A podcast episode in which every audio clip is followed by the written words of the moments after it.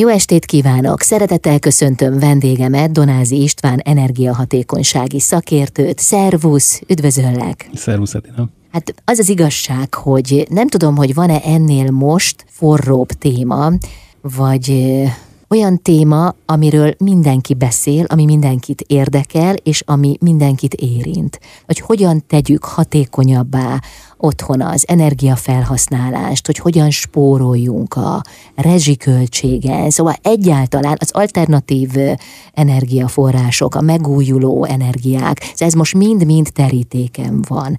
Ez mit jelent, hogy te energiahatékonysági szakértő vagy? Én most ennek nagyon örülök, hogy ez újra téma, vagy, vagy téma, lett, téma lett az energiahatékonyság. Egy kicsit szomorú is vagyok egyébként, mert ennek témának kéne lenni már 10-20 éve.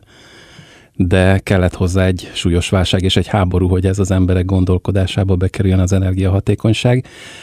Fontos kérdés nem csak amiatt, hogy nagyon sok energiát pazarolunk a világban, hanem fontos azért is, mert a klíma az olyan állapotban van, amit, amit most már valószínűleg visszafordíthatatlan következményei van az emberi tevékenységnek, és vannak olyan eszközeink, amivel egyrészt a klímát is védhetjük, másrészt pedig kevesebb energiát is felhasználhatunk. A klímát legjobban az emberi tevékenységből a, a, az energiafelhasználás, az energia előállítása teszi tönkre, és és ezért mi is természetesen felelősek vagyunk, hogy, hogy nem fordítunk arra figyelmet, hogy kevesebb energiával fűtsük, hűtsük a házainkat, fűtsük, hűtsük a környezetünket, uh-huh. pedig nagyon-nagyon régóta vannak rá kiváló megoldások, amivel ezt elérhetjük. Az energiahatékonyság az, aki ezzel foglalkozik igazából, mik azok a megoldások, amikkel, amikkel a nagyon nem hatékony, nagyon kevésbé hatékony földgázt, a nagyon kevésbé hatékony foszilis energiaforrásokat ki tudjuk váltani. Kevésbé hatékony a földgáz? A földgáz az egy rendkívül nem hatékony energetikai megoldás, ugyanúgy nem hatékonyak a fosszilis energiák sem. A, a, a megújuló energia felhasználáson alapuló hőszivattyús vagy geotermikus rendszerek, amit egyébként Magyarországon, magyar adottságok mellett nagyon hatékonyan lehet használni. Ezek lényegesen, lényegesen jobb energia felhasználással működnek, mint az előbb említett földgáz vagy fosszilis energiák, nem beszélve a, a fáról, vagy a szénről, vagy, vagy hasonló energiaforrásokról. Játszunk el a gondolattal. Mi lett volna, ha 10-15 évvel ezelőtt változás történik, és az emberek fejében mondjuk ott lett volna ez a gondolat, mint, mint prioritás, hogy megújuló energiákat használjanak? hát nagyon sarkosat fogok mondani, akkor, Na, akkor, akkor nem lenne annyira probléma Magyarországon a jelenlegi helyzet. Um, mi nagyon régóta, gyakorlatilag 20 év építünk hatékony rendszereket, 10-12 éve építünk megújuló energiaforráson alapuló energiahatékony rendszereket, értem ez alatt a hőszivattyús rendszereket, és értem ez alatt a geotermikus rendszereket. Drasztikusan kevesebb primen energiát használnak ezek a rendszerek, mint a, mint a földgáz. Én azt tudom mondani, hogy általában azok a rendszerek, amiket mi építünk, ott körülbelül a minimum az, hogy 70%-kal kevesebb primer energiát kell használnunk, de vannak olyan rendszereink, ahol 95-97%-kal kevesebb primer energiát kell felhasználnunk. Tehát amit sarkosan mondtam az elején, hogy nem lenne bajban most Magyarország a primer energia szempontjából, ezt, ezt merem állítani, lényegesen kevesebb földgázra lenne szükségünk, és lényegesen lényegesen olcsóbban tudnánk megoldani Magyarország, Magyarország energiaellátását. Én nem azt állítom, hogy mindenütt alkalmas, és mindenre alkalmas a, a megújuló energia, de a magyarországi közintézmények, kórházak, börtönök és hasonló intézmények fűtésére kiválóan alkalmas lenne ez a megoldás. Most nagy intézményeket mondtál, nyilván nem véletlenül. Nyilván nem véletlenül, mert mi ezekben dolgozunk. Tehát mi nem dolgozunk, mi nem dolgozunk magánszemélyeknek, mi nem dolgozunk a lakosságnak. Ott vannak más kiváló cégek Magyarországon, akik ezt, akik ezt, akik ezt tudnák terjeszteni a lakosság körében. Mi hát nem pici cég vagyunk, de nem egy akkora cég, mint amikre én most gondolok, és ezért mi, mi kevesebb és nagyobb intézményben tudunk, tudunk hatékonyan dolgozni. De hogyan tud megszűnni a földgáz felhasználása? ez nem egyik pillanatról a másikra fog megtörténni. Hát nem egyik pillanatról a másikra, azt kérdezte az előbb, hogy mi lett volna, ha 10-15 évvel ezelőtt. Igen. Akkor 10-15 évvel előrébb tartanánk, ha 10-15 évvel ezelőtt kezdtük volna ezt a dolgot. Ha most kezdjük el, és igazából, hát én azt mondom, hogy valószínűleg tényleg most kezdjük el. Ha most kezdjük el, akkor tíz év múlva fogunk abba az állapotba eljutni, ahol most kéne lennünk. Ez egyébként nem elég csak a fűtési rendszereket megoldanunk, ez gyakorlatilag Magyarország teljes energiastratégiáját is át kell gondolni de szerintem ez a mai helyzet, ez abszolút megmutatja azt, hogy ez időszerű kérdés. Tehát arra gondolsz, hogy ebből a hátrányból, amely most mindannyiunkat érint, végül is így módon előnyt lehet kovácsolni, hogy a szemléletben történik egy változás, hiszen a helyzet rákényszerít minket. Hát, ha nem is előnyt kovácsolni, én azt mondanám inkább, hogy a, a nyilvánvalóan jót kéne végre alkalmazni. Uh-huh. Tehát azért vannak rajtunk kívül más országok is, akik azt már régóta alkalmazzák, és ők emiatt lényegesen hatékonyabban és lényegesen kevésbé kiszolgáltatottan tudnak hozzáállni ez a jelenlegi helyzethez. Uh-huh. Köszönöm szépen. Vendégem Donázi István energiahatékonysági szakértő. Folytatjuk mindjárt a beszélgetést. Donázi István energiahatékonysági szakértő a vendégem. Azt hiszem, hogy eljött az ideje annak, hogy definiáljuk, hogy végül is mit jelent az, hogy megújuló energia megújuló energiaforrásnak nevezünk mindent olyan definíció szerint, tankönyvi definíció szerint, ami az emberi időléptéken belül energiaként újra termelődik. Ebből könnyen láthatjuk az olaj nem, hiszen azt már az elmúlt éve százmilliók alatt gyűlt össze, vagy a szén nem, az szintén, de az emberi időléptéken belül újra termelődik a napsütés, a szél, és maga, amit geotermikus energiának nevezünk, ez minden ez a levegőben lévő energiatartalom, vagy, vagy ha mélyebbre megyünk, akkor a földben lévő energiatartalom, ez mind-mind-mind az emberi időléptéken belül újra termelődik.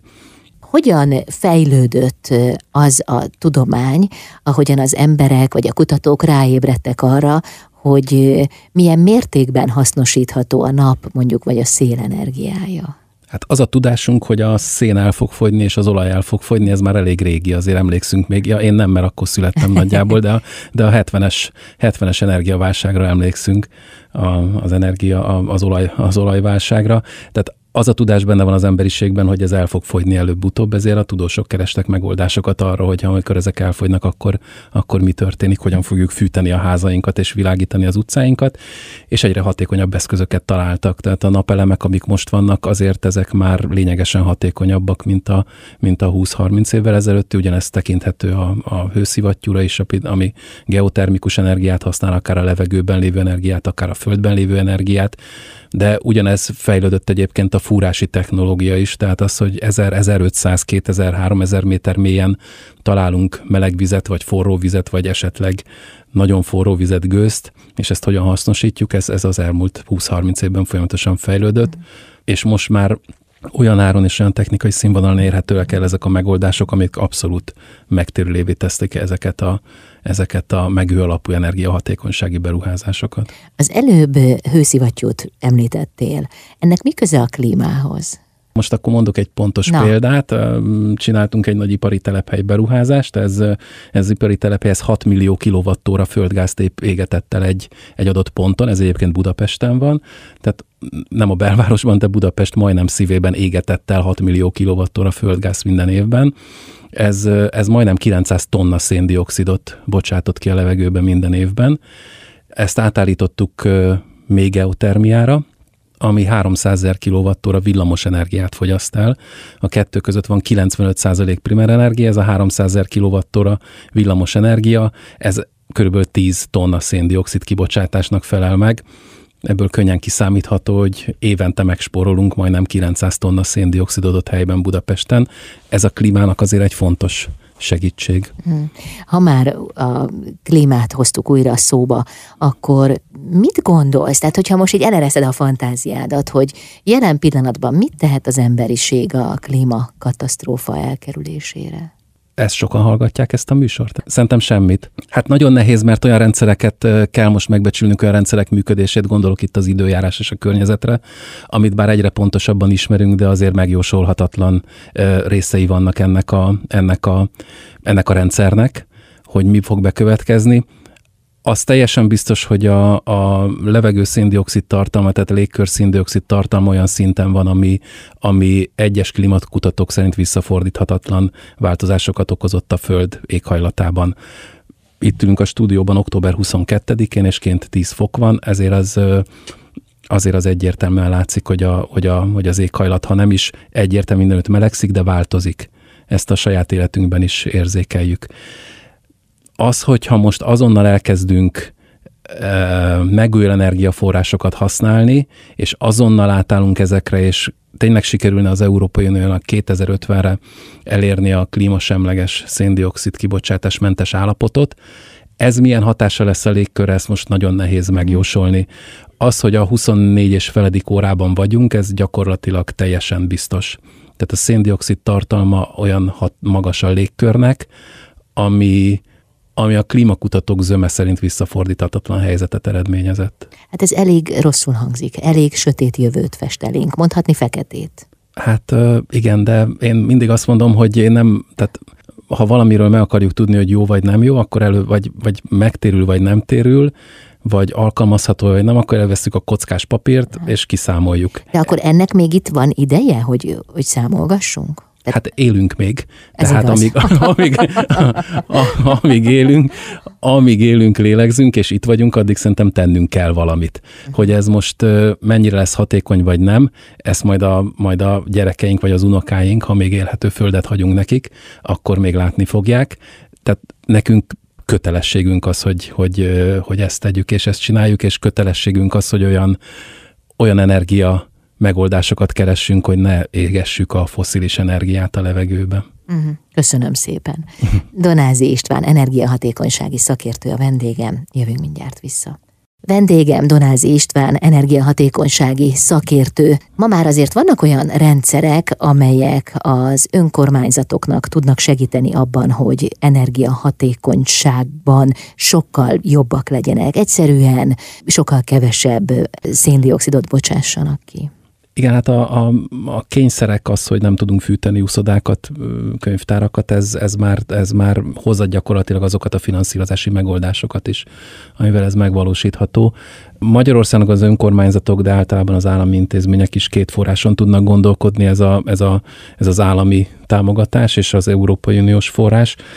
Ezen kívül is vannak azért olyan finanszírozási megoldások, amikkel az önkormányzatok tudnának élni, hogyha, hogyha akarnának és kicsit vállalkozóbb szelleműek lennének.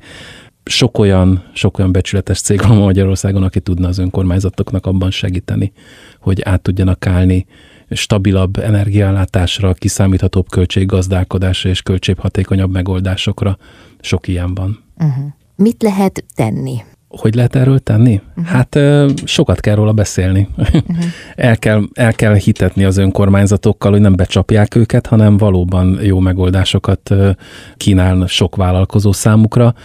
Ezek szolgáltatások vagy berendezések? Ezek szolgáltatások. Szolgáltatások. Erre egyébként törvény is van Magyarországon, tehát az energiahatékonyságnak van törvénye Magyarországon, és ez a törvény ez ad olyan jogokat és, és biztosítékokat az önkormányzatok számára, hogyha ennek a törvénynek szellemében kötnek egy szolgáltatási szerződést egy vállalkozóval, akkor nem érheti őket hátrány ezekből a szerződésekből. Mm én azt aláírom, természetesen nem minden önkormányzatnak kell rendelkeznie energiahatékonysági szakértővel és olyan szakértőkkel, akik ezt, ezt értik és biztosan tudják kezelni ezt a törvényt, de vannak Magyarországon olyan emberek, akik erre, erre alkalmasak sokat kell róla beszélni, és, és mhm. hát ha ez, hát ha ez egy picit fölkelti az érdeklődését uh-huh. ezeknek a, ez, de ne csak az önkormányzatokat bélyegezzük meg, azért itt, itt vannak költségvetési szervek is, akik, akik évtizedek óta nem nyúltak azokhoz az intézményekhez, amik rájuk vannak bízva.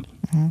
És mi történik akkor, hogyha megvalósul a szerződés? Akkor csökken az önkormányzatok kiszolgáltatottsága, költsége? Tehát milyen előnyökkel jár mindez? Hát amit az előbb is említettem, drasztikusan csökkenhet az energiafelhasználása, primer energiafelhasználása, akár 70-90 százalékkal is. Ezáltal drasztikusan csökkenhet a költség, felhasz, költsége az önkormányzatnak, és ezt változatlanul mondom, tehát ebben a törvényben biztosított keretek szerint csökkenhet. De figyelj, hogyha most a törvény erre lehetőséget ad, akkor miért nem történik mindez nagy számban a nagyobb létesítményeknél, önkormányzatoknál akár? Igazából nem tudom a választ. Tehát nem tudom a választ, mert a, a, a megoldás nyilvánvaló, és a megoldás nyilvánvalóan jó. A megoldás mindenki számára stabil és kiszámítható költséggazdálkodást tudna okozni. Valószínűleg a, ami egyébként nagyon visszatartja itt a költségvetési szerveket és az önkormányzatokat, az a, az a szakértelem hiánya ebben és a bizalmatlanság. Ez azért nagyon sok mindenkit megakadályoz abban, hogy lépjen ebben a kérdésben. Én próbálok mindenkit győzködni arról, hogy hallgassanak meg olyan szakértőket, akik ezt becsületesen el tudják mondani, hogy hol járhat jól egy önkormányzat egy ilyen, egy ilyen szerződés megkötésével, és hol járhat jól az önkormányzat, hogyha a megújuló energiaforrások felé fordul. Milyen számításokat kell ehhez elvégezni? Ez nem egy bonyolult dolgok ezek. Egyrészt mi is kidolgoztunk az elmúlt tíz évben olyan módszereket, amivel ez gyorsan és hatékonyan, hatékonyan kiszámítható, de hát vannak olyan mm, energetikai szoftverek is, ami ebből, ebből fehéren-feketén kijön, hogy egy földgáz alapú fűtési rendszer mennyivel több energiát pazarol, főleg haza földgáz alapú fűtési rendszer 30 éves, mennyivel több energiát pazarol, mint egy 21. századi hatékony, számítá, számítógépekkel és szoftverekkel kézben tartott hőszivattyús, vagy egy geotermikus rendszer. És mennyibe kerül egy ilyen geotermikus rendszernek a kiépítése? Hát vannak ökölszabályok, ezt úgy szoktuk mi mondani, hogy egy geotermikus rendszer ha nagyon csili és nagyon új, és nagyon modern, akkor mondjuk egy négy-ötszöröse annak, mint amennyibe egy gázos alapú rendszer kerül, Aha. viszont lényegesen kisebb energiát használ föl. Én azt szoktam hamar. mondani, hogy azok jártak jól Magyarországon, akik az olcsó gáz időszakában megcsinálták ezt a beruházást, mert az olcsó gáz időszakában is megtérültek ezek a beruházások, még akkor, amikor nem 14% 15% volt a hitelkamat Magyarországon, és nem 20% volt az infláció. Aki ezt megcsinálta 6-7-8 évvel ezelőtt, az most nagyon-nagyon-nagyon jól jár, és nagyon kedvező helyzetben van. Lehet a sajtóban ilyen településeket olvasni, akik, akik 10-15 éve megcsinálták a maguk geotermikus rendszerét. Fú, azt hiszem most hirtelen, azt hiszem Kistelek jut eszembe például, az egy, az egy jó példa erre, uh-huh. de vannak települések, ahol geotermikus rendszerek vannak, vagy például ez a fővárosi cég, amit az előbb említettem, négy vagy öt évvel ezelőtt állt át geotermiára a földgázról, hihetetlenül kedvezőbb helyzetben van, mint a többi hasonló cég. Uh-huh. Ez egyébként magának a, magának a saját üzleti tevékenységének a hatós, hatékonysága szempontjából is kiváló, uh-huh. hisz iszonyatos versenyelőnyben van most a, mint most a versenytársai, hogy nem ezer forintos földgázt kell égetnie, hanem, hanem igaz, hogy 250 forintos villamos energiaköltséggel, de lényegesen kevesebb energiát kell kihoznia a földből. Köszönöm szépen. Donázi István energiahatékonysági szakértő a vendégem. Jövünk mindjárt vissza. Donázi István energiahatékonysági szakértő a vendégem. István, a te vezetéseddel több nagy projekt valósult meg az elmúlt években. Ipari telephely fűtéskorszerűsítés, általános iskola fűtéskorszerűsítése, vagy akár belső világítás korszerűsítés. Ezek hogyan történnek? Mi mindent mérsz fel ilyenkor? Tehát hogyan lehet ezt a számok nyelvén elmondani, hogy mennyivel gazdaságosabb, mennyivel jobb, ha egy nagy intézmény megújuló energiát használ. Teljesen, tehát az, hogy eddig mennyibe került, ez abszolút nyomon követhető. Itt vannak a gázszámlák az elmúlt 10-15 évből, ezeket föl tudjuk mérni, hogy mennyi volt. Vannak bizonyos költségek, amivel egy ilyen 20-30 éves gázkazános rendszer javítása, karbantartása, üzemeltetése jár. Tehát amikor most arról beszélünk, hogy, hogy az iskolákat elkezdjük újra szénnel meg fával fűteni, azt, azt elfelejtjük, hogy ez mekkora élő ember, mekkora élő munkaigényű egy ilyen rendszer karbantartása, de ezt most csak zárójelben jegyeztem meg.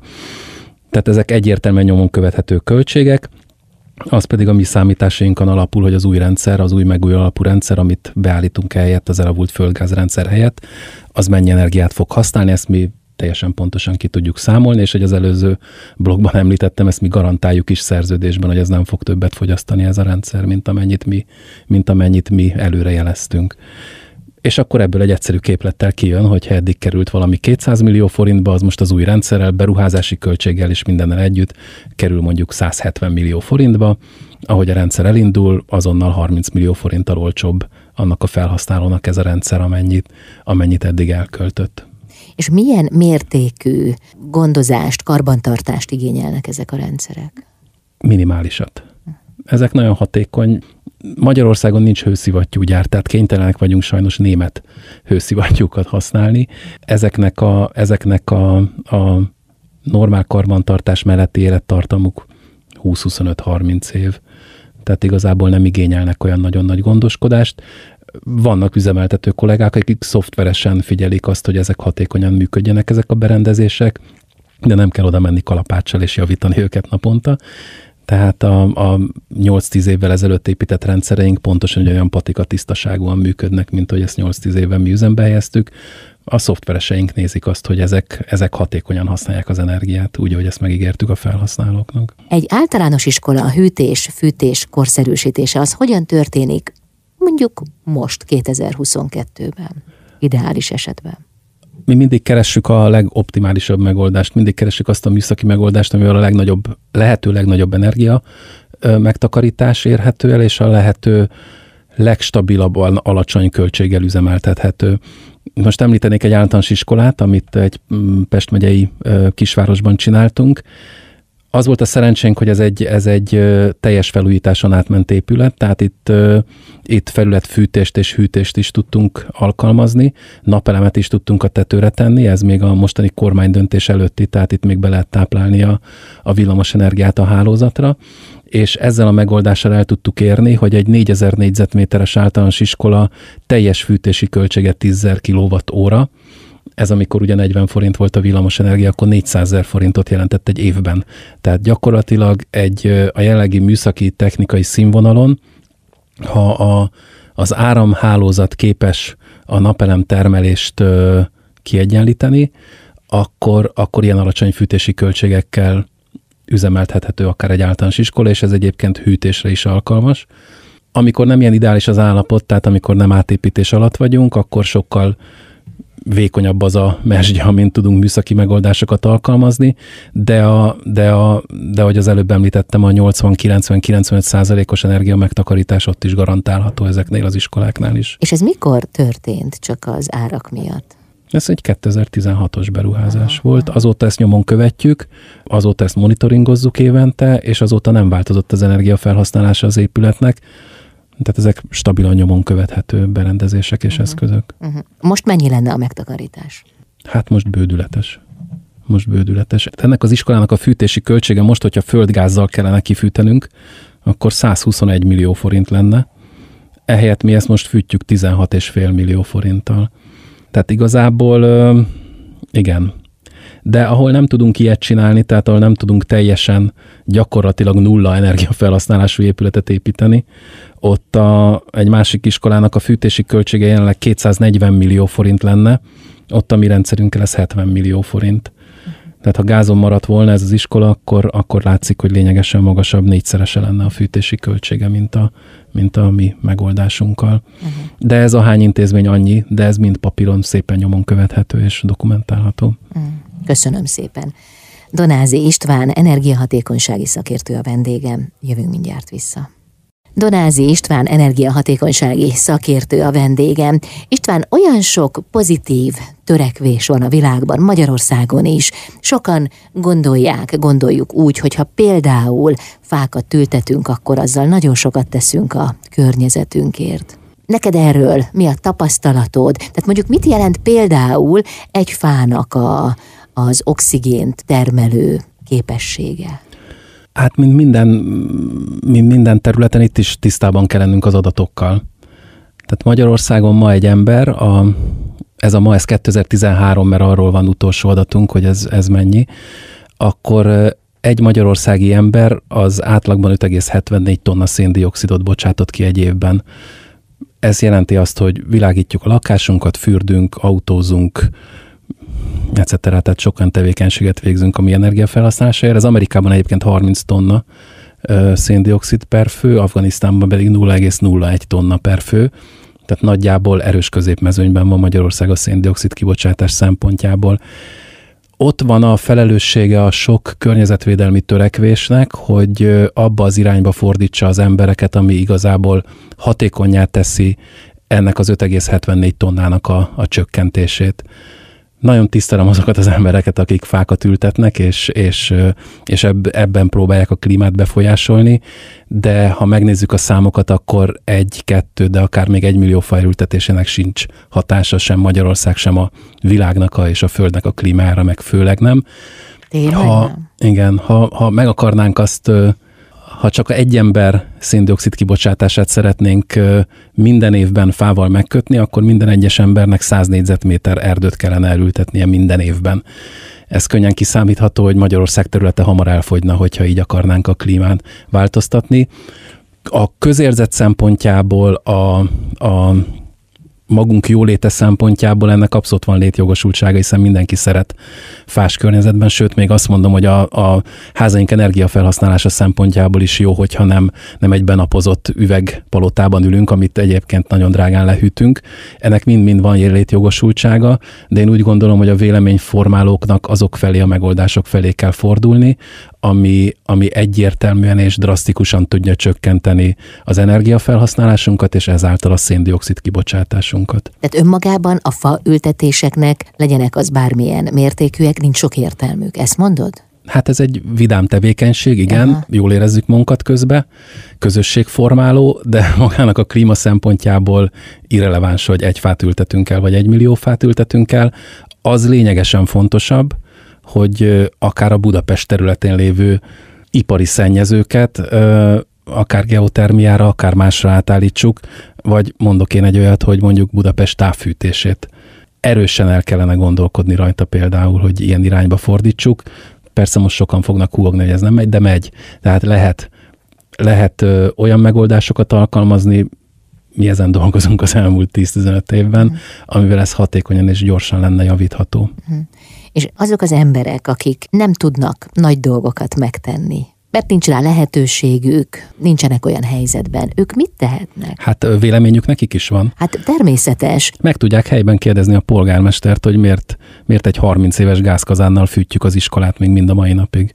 Tehát miért, miért kell bezárnia az óvodát, miért kell átmennünk egy percet, most bocsánat, hogy óvodát mondok, mert most mindenki óckodik, mint a tűztől, hogy persze az óvoda nem lesz bezárva, inkább mindenki mindent bead a faluba, csak az óvodát ne kelljen bezárni, de miért kell bezárni a könyvtárat? Tehát miért nem kérdezik meg? Miért kell bezárni egy uszodát például?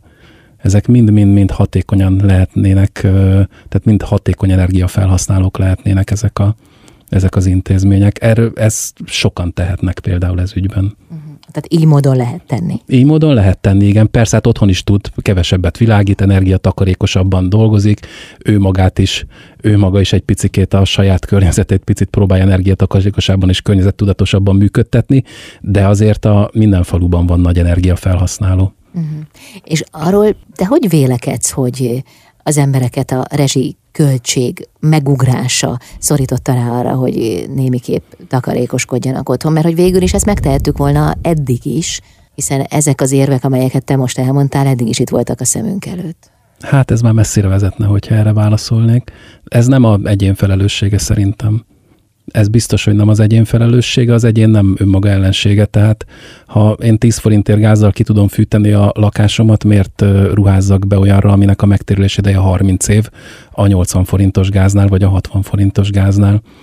De ha, de ha úgy számolunk, hogy ez a 60 forintos gáz mondjuk 10 évig 60 forint, de a 11. évben 600, és a 12. évben is 600, akkor gyakorlatilag, amit a 10 év alatt megspóroltunk, és nem tettünk semmit a környezetünkért, azt a 11-12. évben kamatostul kifizetjük.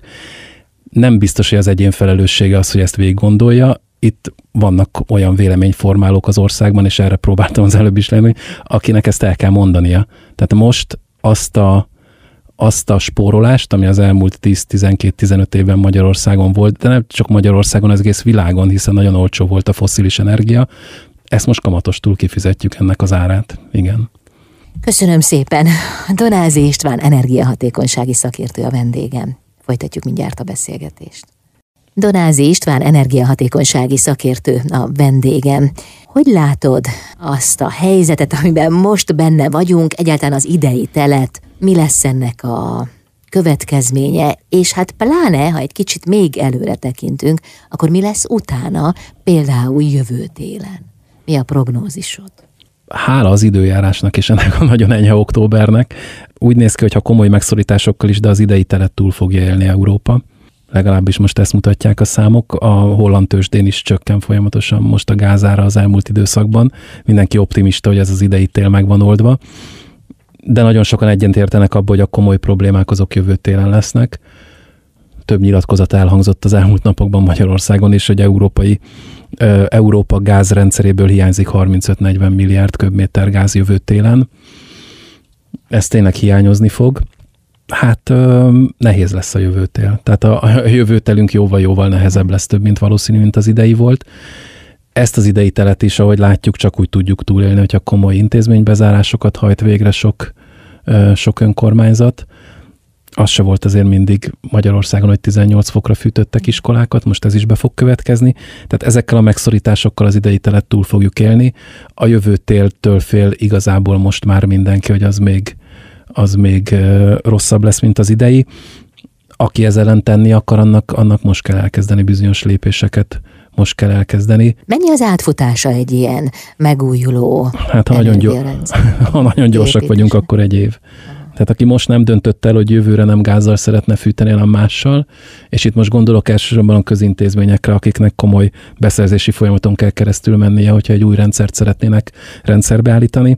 Aki most nem döntött el, hogy jövőre megújuló energiával szeretné kiváltani a gázos rendszerét, az már nem azt mondom, hogy a 24. de a 23. órában van, hogy ezt megtegye. Idén még bizonyos közintézmények bezárásával orvosolható a probléma, jövőre lehet, hogy mindent be kell zárni, hogyha nem lesz gáz, de ez nagyon-nagyon-nagyon sok tényezőtől függ, tehát azért itt komoly jóslatokban ne bocsátkozzunk, de ott van a döntéshozók fejében szerintem az, hogy mi van a jövő télen. Uh-huh. És mi a helyzet a magánlakásokkal, házakkal, a lakosság helyzetével? Velük mi lesz? Én azért ebből a szempontból optimista vagyok, tehát a lakosság energiállátása szerintem nem lesz veszélyben jövő télen. Itt, ami veszélyben van, azok, a, azok a, az ipari fogyasztók és a, és a közintézmények, amiknek a működése veszélyben van jövő télen, hogyha valóban kevesebb gáz érkezik Európában, mint amennyi idén érkezett. Uh-huh. Azért ne felejtsük el, hogy az oroszok még idén nyáron még szállítottak gázt. Most már csak egy vezetéken szállítanak. És most egyébként hol állnak a gáztározók? Mennyire vannak tele? Hát az európai töltöttség az 90% fölötti ezeknek a tározóknak. Azért azt, azt tudható, hogy ahogy kitermelik ezeket a tározókat, a hatékonyságuk ezeknek is csökken, egyre csökken. Tehát 90%-on még kitermelhető belőle, de 20-25% alatt már nehezen kitermelhető benne a gáz. Tehát azért az, hogy 90% töltöttségen van, azt nem azt jelenti, hogy 90%-ot ki is lehet belőle termelni. Vagy ha kitermelik a 90%-ot, akkor lehet, hogy a tározó olyan állapotba fog kerülni, hogy, többet nem használható. Tehát azért ez, ez nem ennyire egyszerű, hogy most van 90% gázunk a tárolóban, és akkor azt el is tudjuk használni. Ráadásul most viszonylag enyhe volt még eddig az időjárás, hát nem nagyon panaszkodhattunk. Az igazi, drasztikus hőmérséklet csökkenés az még ezután jön, az igazi tél, az igazi fagy. Akkor ugye sokkal gyorsabban fogy a gáztározók mennyisége is. Igen, ez az október ez sok embert optimistává tett. Meglátjuk, mi következik december, január, februárban. Általában azért szokott hideg lenni. De úgy értem, hogy akkor a gáztározók is. Természetesen. Tehát, hogy egészen más persze. gyorsabban. Én azért mondtam, hogy ez a 90 százalék, ez jól hangzik, de, de, de azért ez nem azt jelenti, hogy 90 százalék gázunk van. De mondjuk mennyi idő alatt mehet le drasztikusan, tehát két-három hónap alatt, két-három hideg hónap? Vagy Nálam sokkal az? komolyabb szakértők azt jósolják, hogy februárra, hogyha hidegebb tél jön, akkor februárra lehetnek ellátási gondok. Változatlan mondom, valószínűleg nem a lakosságnál, hanem, a, hanem az ipari fogyasztóknál és a közintézményeknél, de februárra már elképzelhető, hogy lesznek lesznek problémák február-márciusra. És itt, bocsánat, itt Európáról beszélek, nem Magyarország specifikusan, itt Európáról beszélek. Ez régiónként is változhat, hogy hol, hol, hol fogy el a gáz februárra, vagy hol nem. Pedig februárban az ember már a tavaszt várja, akkor már talán többen lennének egyébként optimisták, de hát akkor nem biztos, hogy ez történik. A globális éghajlatváltozás nyomon követhető a mi rendszereinken is.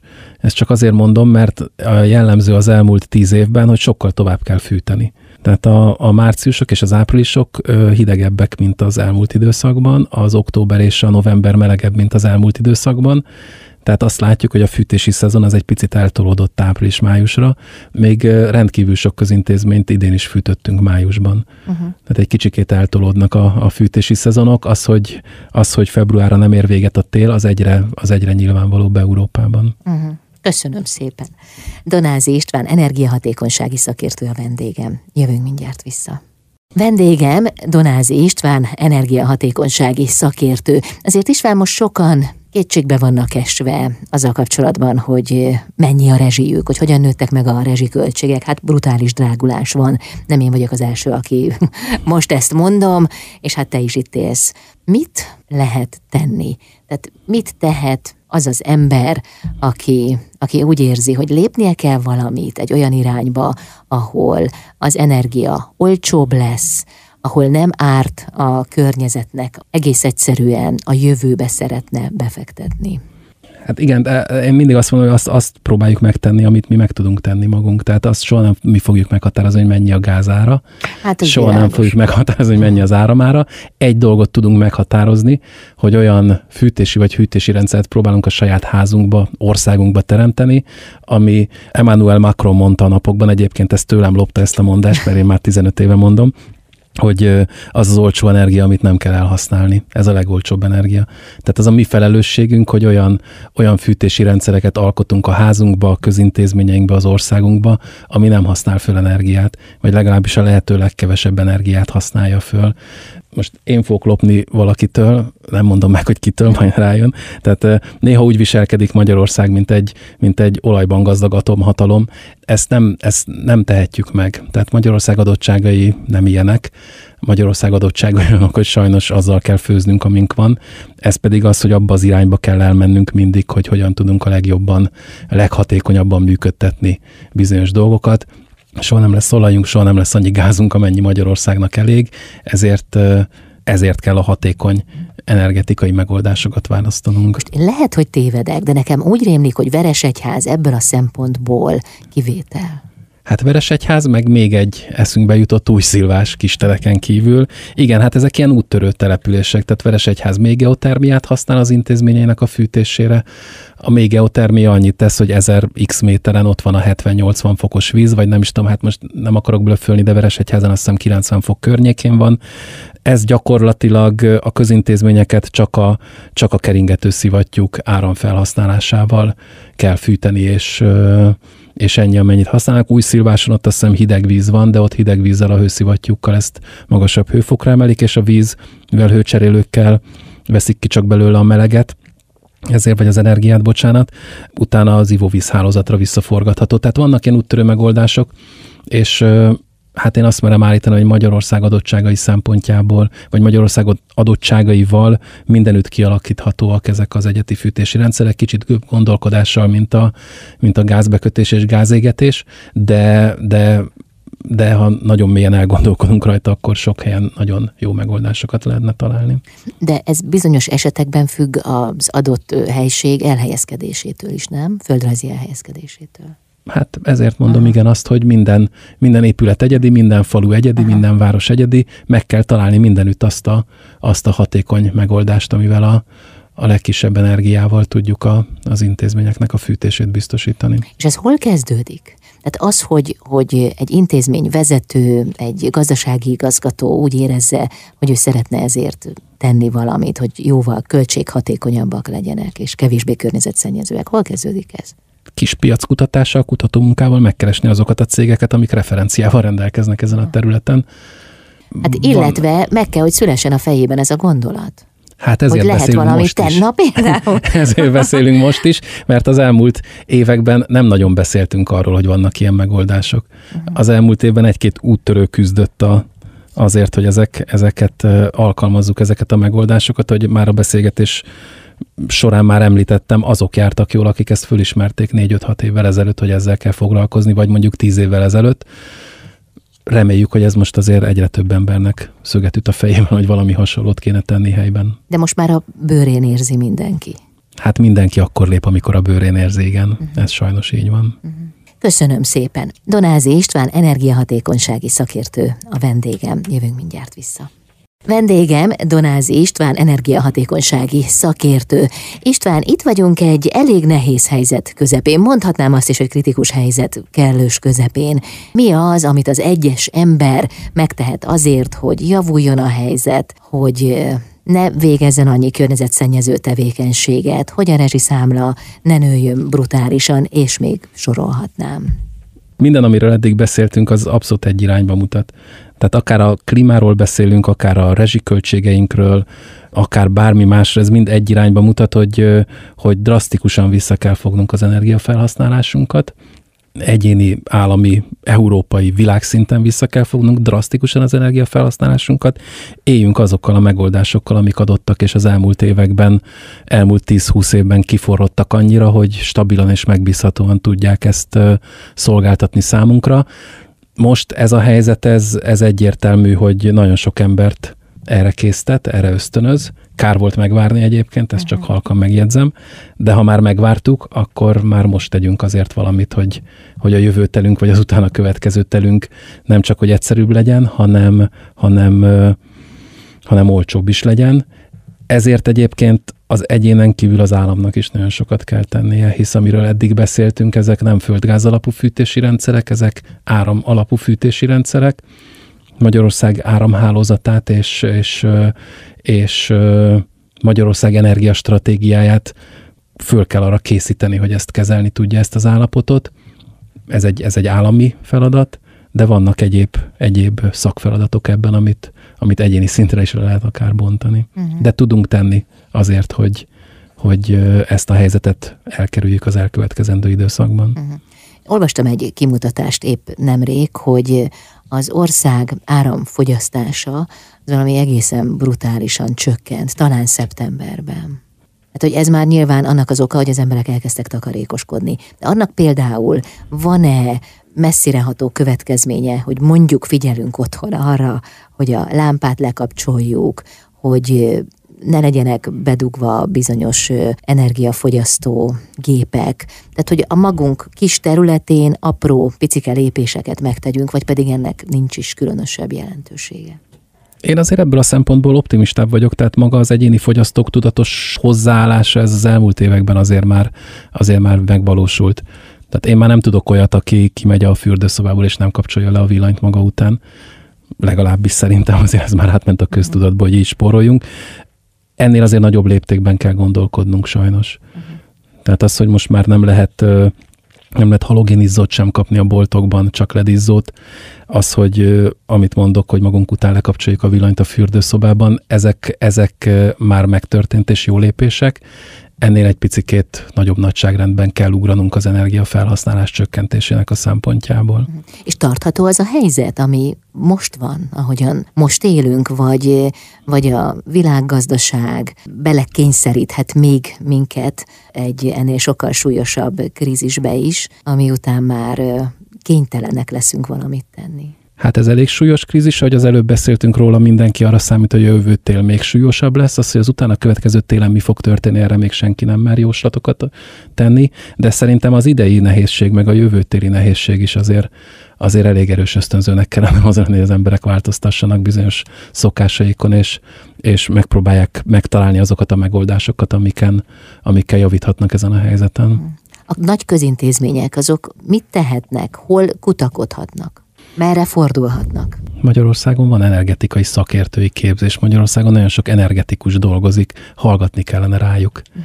Hallgatni kellene rájuk, és megtalálni még egyszer mondom azokat a, azokat a megoldásokat, azokat a cégeket, azokat a referenciákat, akik bizonyítani tudják, hogy nem csak álmokat kergetnek, hanem meg is valósítják ezeket uh-huh. a rendszereket. Hiszen ugye az az olcsó energia, amit nem kell megvenni. Ez így van.